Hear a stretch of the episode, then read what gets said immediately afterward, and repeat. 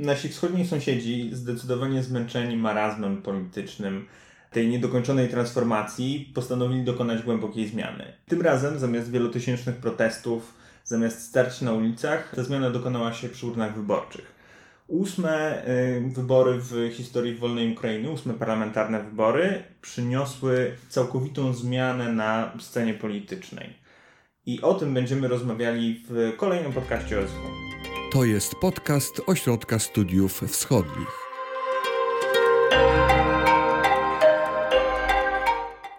Przed mikrofonem e, Hubert Różyk oraz Wojciech Konończuk. Dzień dobry. Dzień dobry. I Tadeusz Iwański. Dzień dobry.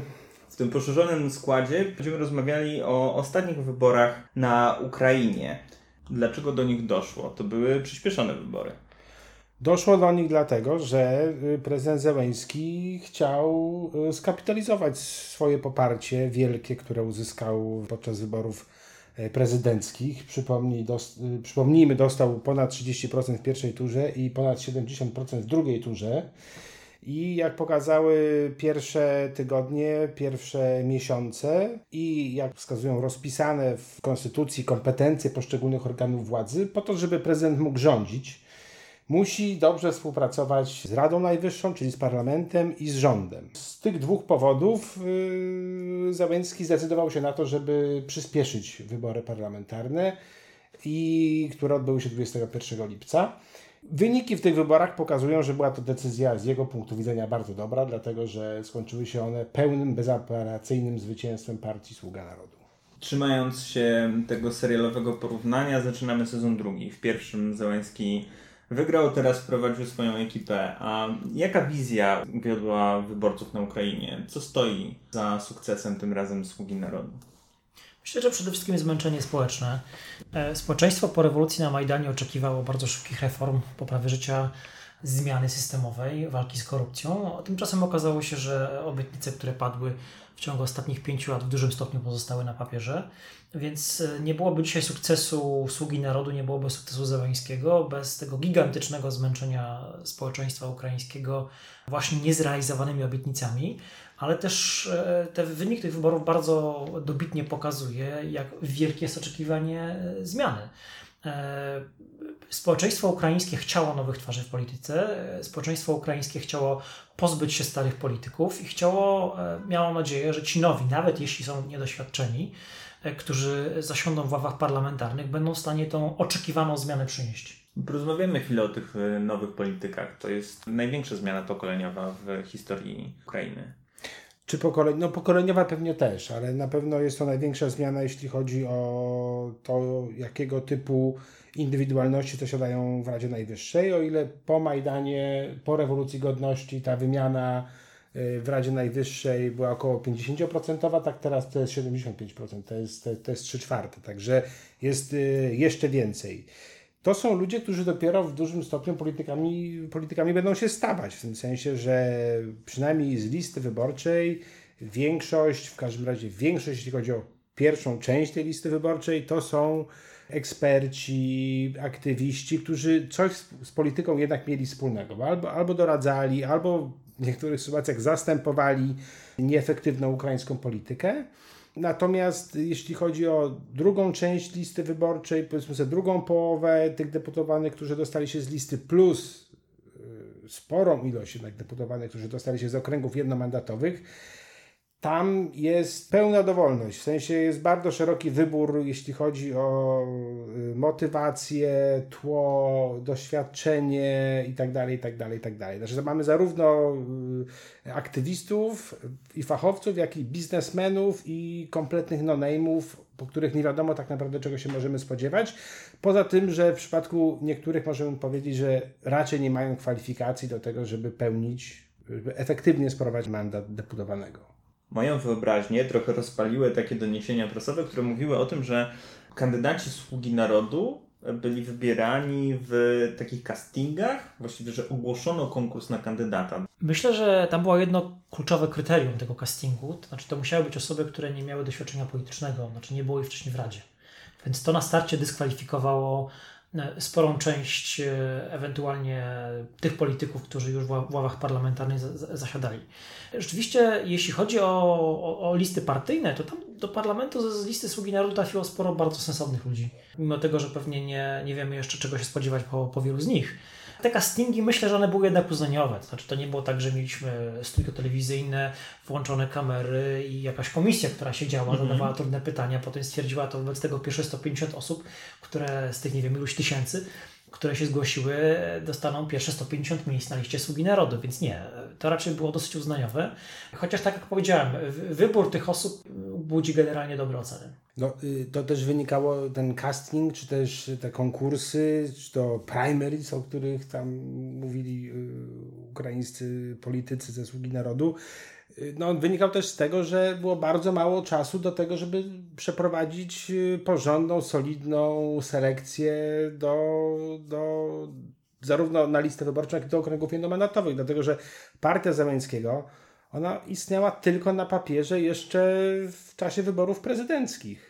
I decyzja o tym, że należy przyspieszyć wybory parlamentarne, została podjęta, została ogłoszona 21 maja tego roku i e, wraz z dekretem prezydenta Zeleńskiego dwa dni później ruszył proces wyborczy, który trwa dwa miesiące a okres, kiedy należy kandydatów zarejestrować itd., tak itd. Tak jest jeszcze krótszy. W związku z tym naprawdę było bardzo mało czasu, żeby porządnie wybrać kandydatów e, spośród jednak bardzo wielu ludzi, którzy się zgłosiło do Zeleńskiego. Więc mi ten pośpiech wymusił taką sytuację, że w tej chwili no, to są tak różne osoby, które e, dostały się do parlamentu.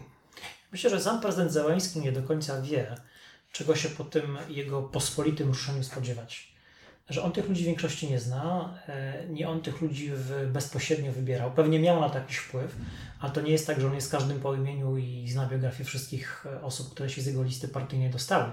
I też trzeba bardzo jasno powiedzieć, że on był lokomotywą wyborczą, znaczy bez Zeleńskiego, jego gigantycznej cały czas popularności, nie byłoby tego sukcesu Sługi Narodu. Więc jak gdyby to jest partia, która wjechała do, do Rady Najwyższej właśnie na fali poparcia dla samego Zeleńskiego jak teraz będzie się układała współpraca między Zełęskim a jego partią, w jakim stopniu będzie to partia, którą on będzie w stanie kontrolować. E, wiadomo już dzisiaj, że ona nie jest monolitem, że tam są bardzo różne grupy, że pewnie sam Zełęski jest dzisiaj głównym akcjonariuszem tej partii, ale on nie jest jedyny. Wróćmy jeszcze na chwilę do samej kampanii. Czy to była kampania w stylu e, kampanii prezydenckiej Zełenskiego, taka z dużą ilością mm, nowych pomysłów na prowadzenie polityki, e, dużą rolą internetu? Ja bym powiedział, że to, była, to był taki trzeci etap kampanii, e, trzeci etap wyborów prezydenckich, bo to była dziwna kampania. Właściwie e, można by powiedzieć, że wręcz trudno ją było zau zauważyć. Oczywiście były reklamy telewizyjne czy plakaty, billboardy na, na ulicach. Natomiast biorąc pod uwagę, że połowa wakacji to z każdym kraju jest taki okres, kiedy się zwykle wyborów nie organizuje, chyba że to są właśnie wybory organizowane w sposób wy wyjątkowy, to nie, tam nie było starć na programy wyborcze, tam nie było dyskusji e, zbyt wielu, e, spotkań z wyborcami. One oczywiście były. Natomiast e, biorąc pod uwagę, jak krótki był okres między wyborami prezydenckimi a wyborami parlamentarnymi, to prezydent Zamiński zresztą bardzo słusznie e, zdecydował, że trzeba możliwie szybko skapitalizować to wielkie poparcie dla niego. Stąd tak szybki termin wyborów, co zresztą zostało zaakceptowane przez większość innych partii e, politycznych. Więc ja bym to bardziej rozpatrywał wybory do Rady Najwyższej w kategoriach trzeciego etapu wyborów e, prezydenckich, bo było jasne, że tam nie chodzi o nazwiska, które zresztą w większości to są nazwiska, jeśli chodzi o partię prezydencką, dla społeczeństwa e, nieznane, tylko tam chodziło właśnie taki plebiscyt trochę. Czy jesteś za programem Zeleńskiego, czy też jesteś za programem jego konkurentów politycznych? Nawet nie tyle chodziło o program, tylko chodziło o to, czy jesteś za, za Zełańskim, czy jesteś e, za e, starymi politykami, za starym establishmentem. Pełna zgoda. Znaczy w dalszym ciągu, yy, jeśli chodzi o debaty w tej kampanii, to one, ich tematem nie były kwestia polityki zagranicznej, rozwoju gospodarczego itd., tak itd., tak tylko to, były, to był na, tak naprawdę ten bardzo prosty podział. Znaczy, czy za starymi politykami albo za nowymi politykami. No i tutaj Zełęński był osobieniem tych y, nowych polityków i ludzie głosowali na sługę narodu, ale myśleli Zełęński. Także pod tym względem jakby Zełęńskiemu się wszystko udało, w tym sensie, że to była doskonała decyzja, żeby mm, przyspieszyć wybory i uzyskać, myślę, że nawet Załęcki w tej chwili jest zaskoczony, y, jaką, jaką, jak, jaki rezultat zrobiła Partia Sługa Narodu. Ale to wszystko podnosi chyba jeszcze bardziej oczekiwania wyborców na Ukrainie wobec tego, co będzie się działo po tym, kiedy skończy się miesiąc miodowy. Można powiedzieć, że w końcówce, może nawet jeszcze w połowie tego swojego umownego miesiąca miodowego Zeleński wygrał wybory. Teraz nie ma już żadnych kolejnych, które mogą nadejść, chyba że będziemy mówili o wyborach samorządowych i następuje czas weryfikacji. Kiedy minie miesiąc miodowy? Myślę, że bardzo szybko. To znaczy, yy, w tej chwili yy, sługa narodu, prezydent Zełenski, cała władza jest w jego rękach. W związku z tym każde nawet minimalne opóźnienie będzie szło na jego rachunek. Yy, w tej chwili bardzo trudno będzie wytłumaczyć przeciągające się rozmowy na temat stworzenia rządu, przeciągające się rozmowy na temat formalnego stworzenia tej większości parlamentarnej itd. Tak itd. Tak to znaczy, myślę, że tak jak oczekiwania są bardzo wysokie, tak też dość szybko Załęcki będzie musiał y, wykonać ruchy do tego, żeby albo te oczekiwania zaspokoić, albo one bardzo szybko będą spadać w zupełnie innym kierunku. To wielkie poparcie Załęskiego ma też swoje konsekwencje, to znaczy tą, tą konsekwencją są absolutnie zawyżone oczekiwania wobec Załęskiego. To znaczy, że w tej chwili, mając pełnię władzy, on bardzo szybko zrobi z Ukrainy państwo, które będzie dobrze funkcjonujące, w którym rachunki będą niskie, w którym będzie łatwo prowadzić y, biznes, w którym będą wysokie standardy socjalne, w którym korupcja zostanie wypleniona, w którym będzie konkurencyjne życie polityczne. Tego oczywiście się nie da zrobić, dlatego że zapóźnienia Ukrainy są bardzo duże i do tego, żeby chociażby walczyć z korupcją, żeby ją próbować y, zwalczyć, do tego są potrzebne dekady działań, dekady istnienia instytucji i ich sprawnego działania, wsparcie i wola polityczna. Trudno powiedzieć, znaczy raczej jestem pesymistą, że Ukrainę w tej chwili czekają dwa, trzy czy, czy cztery lata spokojnych rządów, które pozwolą Załęckiemu we współpracy z parlamentem, we współpracy z rządem dokonać tych reform, które społeczeństwo tak oczekuje. Ja bym może dodał, że z jednej strony mamy sytuację taką, że po raz pierwszy w historii parlamentaryzmu ukraińskiego jedna partia będzie sprawowała samodzielne rządy. Nigdy wcześniej nic podobnego nie miało miejsca, więc to daje dosyć komfortową sytuację dla Zełńskiego, który tą większość parlamentarną kontroluje, tak? bo on ma parlament, on będzie miał rząd, on będzie miał e, ludzi w różnych ważnych agendach rządowych, więc e, z jednej strony warunki dla rządzenia, można powiedzieć, są bardzo komfortowe. Wszystko w rękach jednego ugrupowania politycznego.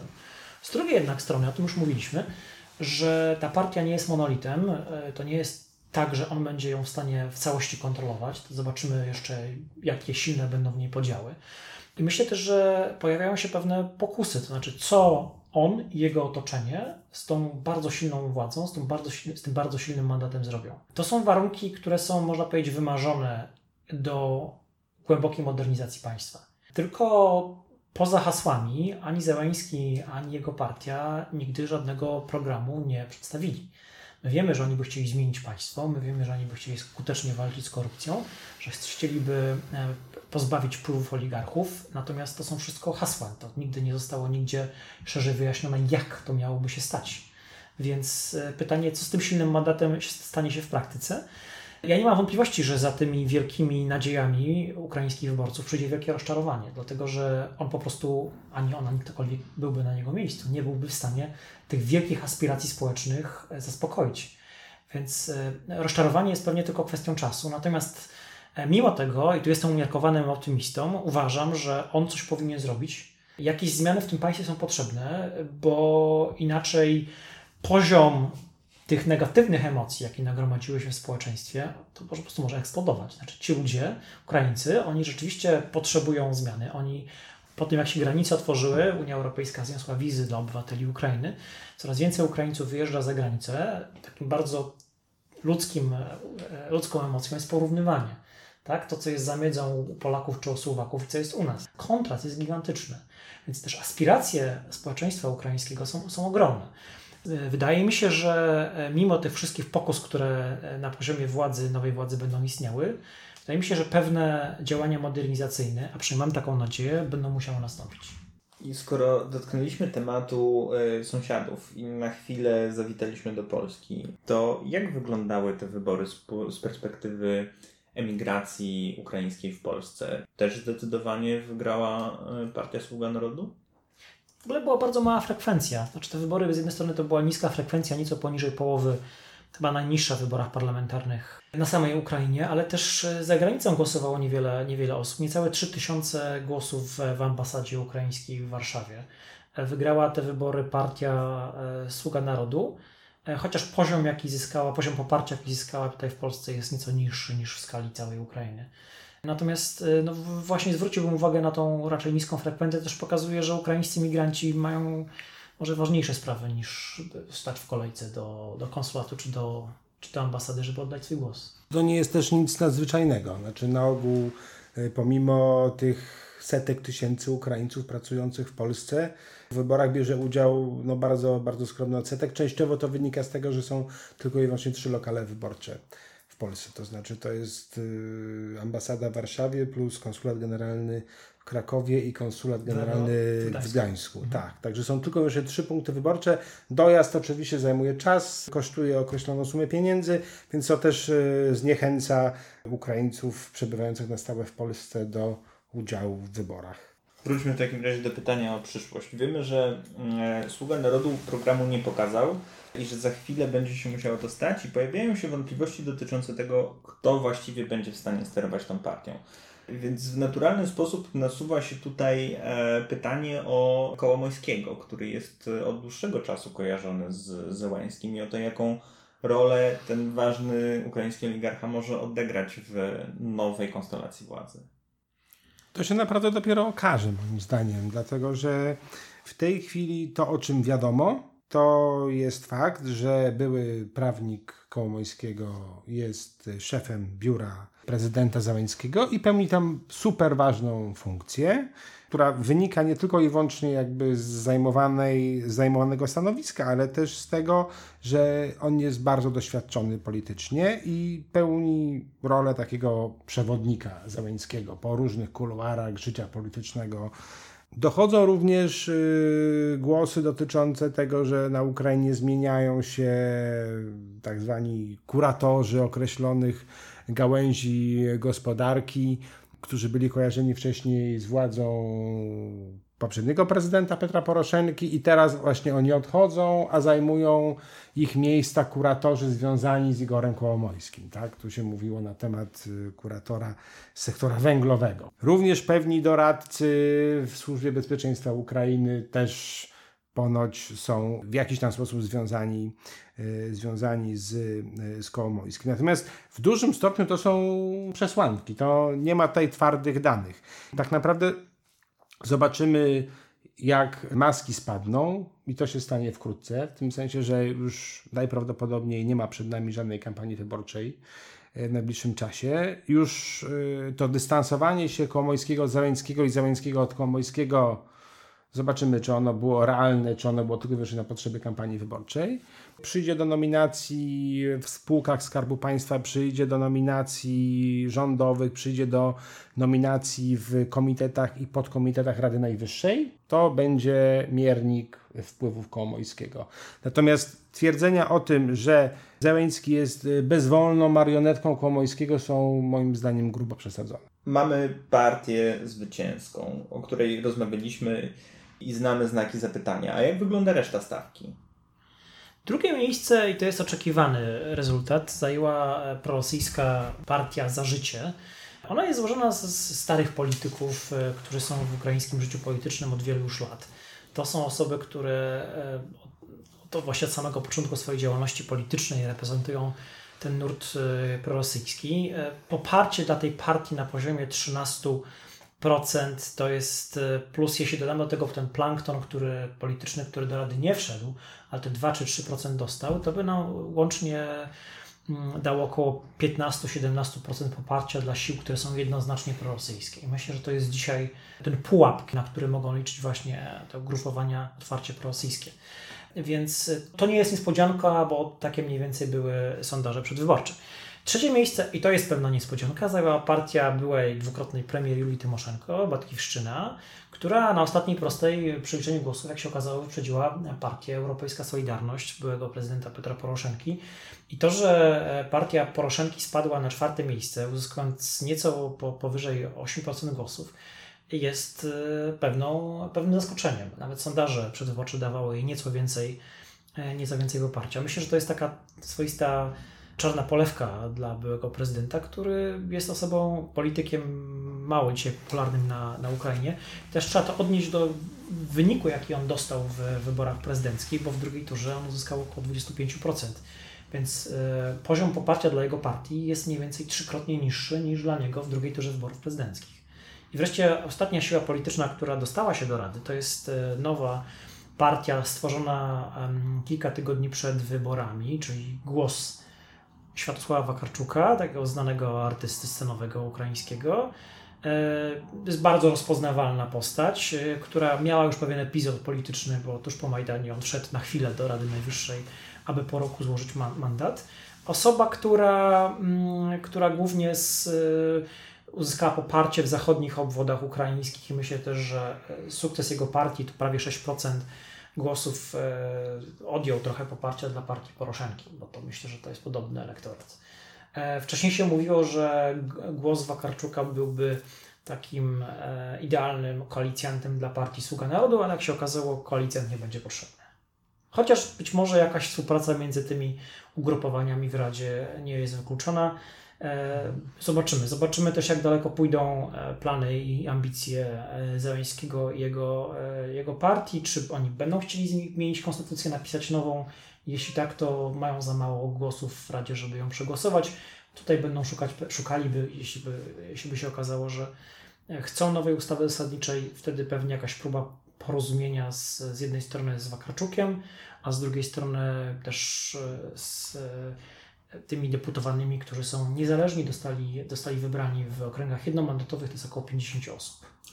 Właśnie, że to jest dobry moment na to, żeby powiedzieć o pewnej różnicy dotyczącej systemu wyborczego pomiędzy Polską a Ukrainą, która dla słuchaczy naszego podcastu może nie być oczywista.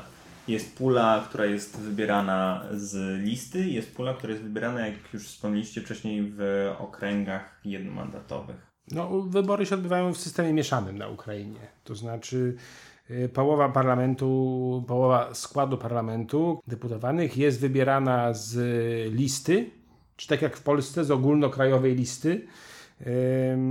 Natomiast druga połowa, y, a praktycznie 199 posłów, dlatego że 26 e, posłów e, było wybieranych w okręgach, które obecnie znajdują się na terytoriach niekontrolowanych przez władze w Kijowie, a kontrolowanych, okupowanych przez, e, przez Federację Rosyjską.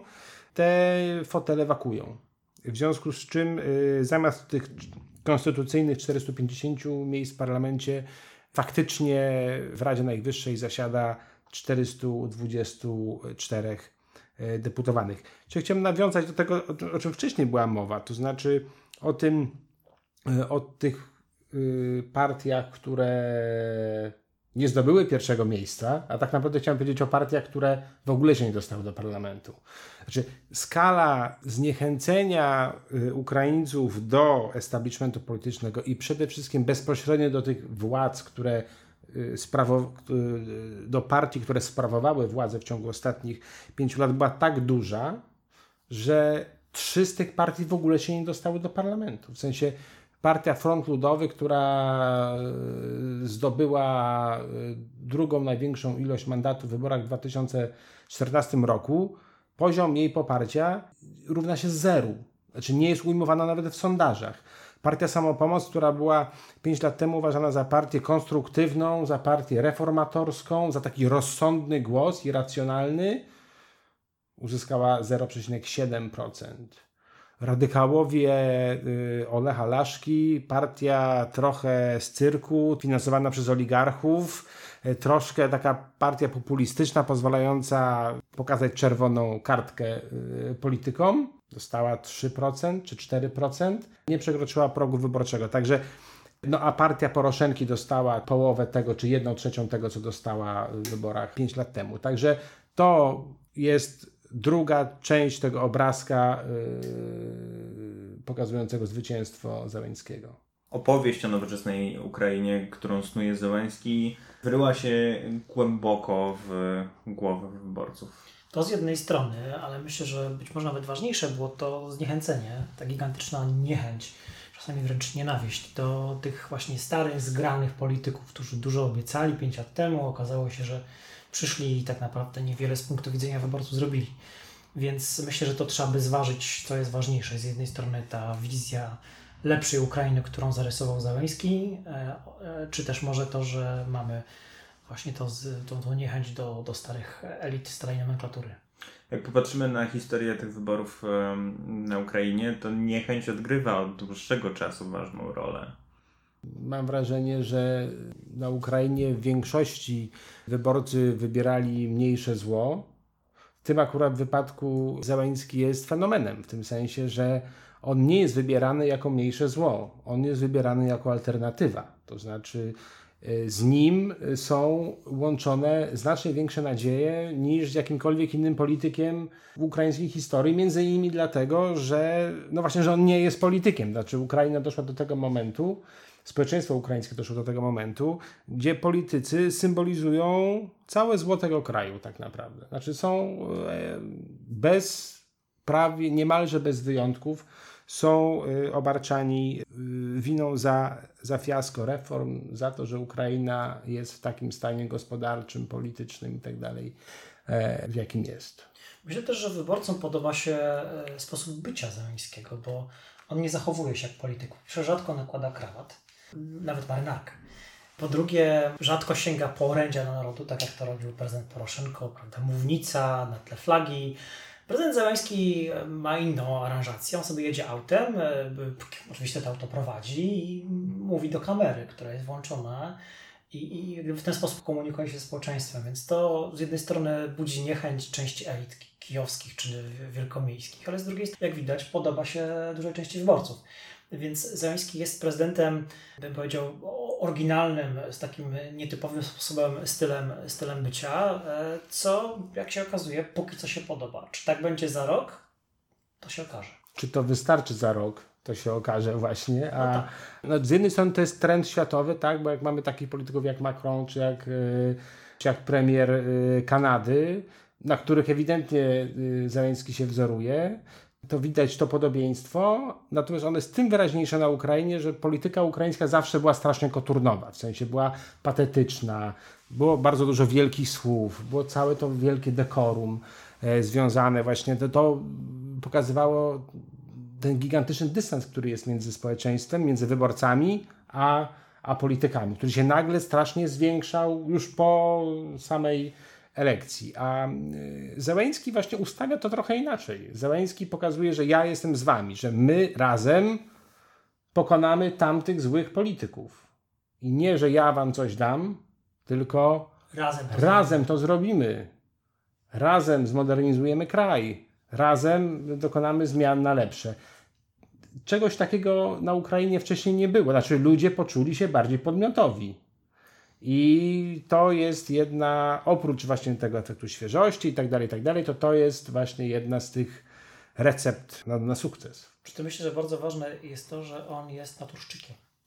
To znaczy, to jest, to jest niewymuszone to, co on robi. On jest, on jest oczywiście znany. Ale rozmawiamy o komiku, więc doświadczenie sceniczne ma. Właśnie, to jest osoba, która ma gigantyczne doświadczenie sceniczne i która trochę przynosi pewne swoje zachowania ze sceny do polityki. I oczywiście są w nim elementy e, innych znanych polityków ze sceny światowej, tak, Trumpa trochę, trochę pre, e, premiera Kanady, trochę Macrona, ale ja myślę, że on jest jednak jedyny w swoim rodzaju. Że on ma właśnie elementy, ale jednak jest Włodymyrem Zełańskim.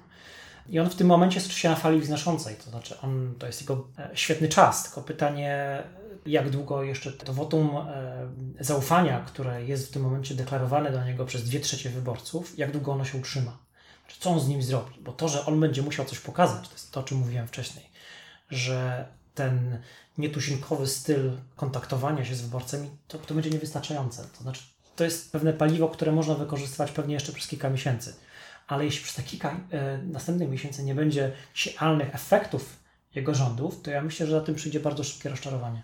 Czy jeżeli te kilka miesięcy zostanie spożytkowanych na to, żeby pozbyć się przedstawicieli poprzedniej władzy, żeby przejąć różnego rodzaju niejasne schematy finansowe, jeżeli to będzie, ten czas będzie wykorzystany do tego, żeby zagarnąć, zawłaszczyć państwo, a nie do tego, żeby realnie wykorzystać ten moment gigantycznego mandatu społecznego i wprowadzić zmiany niekiedy trudne, no to teraz mamy właśnie taki czas, sprawdzam. Znaczy, w tej chwili bezkarne słowa, okres bezkarnych słów się zakończył. W tej chwili trzeba przeprowadzać działania.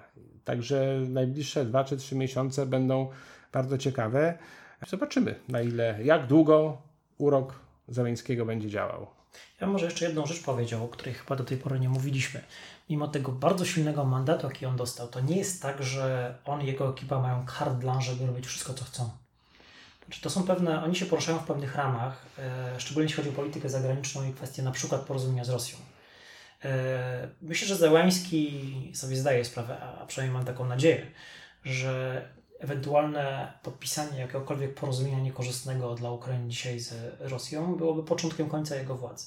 To ukraińskie społeczeństwo, które wybrało komika na prezydenta i to pospolite ruszenie pod sztandarem Zeleńskiego dało im silny mandat w parlamencie, ono może bardzo szybko zebrać się na głównym placu w Kijowie i mu podziękować. I ja myślę, że on o tym, on o tym wie. Z perspektywy Kijowa ta sytuacja jest nie do pozazdroszczenia. Z jednej strony konflikt rosyjski, z drugiej strony Unia Europejska, y, która jest zajęta sama sobą i nawet w przypadku Bałkanów Zachodnich i tych małych krajów, których przyjęcie do Unii nie byłoby ciężarem, nie pokazują się sygnały. Czy w polityce międzynarodowej widać już E, jakąś myśl Zelenskiego. Czy tutaj też po tych dwóch miesiącach nadal nie można mówić o, o jakichś pierwszych priorytetach, które się pojawiają? W polityce zagranicznej na razie jest kontynuacja, to znaczy yy, niezależnie od tego, jak bardzo by się prezydent Zeleński chciał yy, odżegnywać od poprzednika i pokazywać, jaki to on jest inny yy, i tak dalej, to yy, w polityce zagranicznej, sądząc po kierunkach wizyt, po deklaracjach, które tam padały, raczej można mówić o kontynuacji. To znaczy jest to polityka prozachodnia, mówiąca o zbliżeniu e, z Unią, o zbliżeniu e, z całym Zachodem, w tym, w tym z NATO. Od momentu agresji rosyjskiej trochę Ukraina nie ma wyboru, w tym sensie, że o ile nie wiem, prezydent Kuczma i jeszcze prezydent Janukowicz e, mogli balansować między wschodem a zachodem, prowadzić tą osławioną politykę wielowektorowości, gdzie składali bardzo wiele różnego rodzaju y, obietnic, zarówno Moskwie, jak i, jak i Brukseli, po czym nie wywiązywali się z tych, z tych obietnic, natomiast czerpali korzyści różnego rodzaju, czy to finansowe, czy to wizerunkowe. No w tej chwili powrotu na, na wschód nie ma. Znaczy, on faktycznie jest, natomiast byłby samobójstwem politycznym, po prostu. Znaczy to, co mówił Wojtek między innymi, że jeżeli tylko Załęski próbowałby w sposób niekorzystny dla Ukrainy, czy hańbiący dla Ukrainy dogadywać się z Rosją, Majdan znów by się zapełnił. Co do tego nie ma wątpliwości. W związku z tym tutaj w polityce zagranicznej Załęski jest, jest ograniczony zarówno stanowiskiem partnerów zachodnich, jak i jednak stanowiskiem własnych wyborców.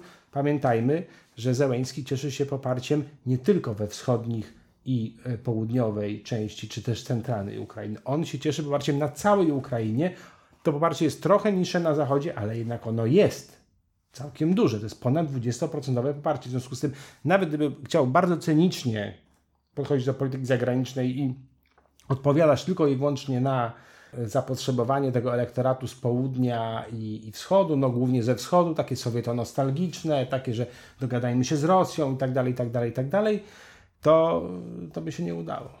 Czyli podsumowując, kończy się piękny etap e, kampanii, piękny dla polityków. Można było mówić i obiecywać dużo różnych rzeczy, a nadchodzi czas, kiedy to całe zaufanie trzeba spożytkować i kolejne miesiące pokażą tak naprawdę, jakim prezydentem e, będzie Zełański i e, jaki rząd pojawi się w Kijowie. Dziękuję za rozmowę. Bardzo dziękuję. Wysłuchali Państwo podcastu Ośrodka Studiów Wschodnich.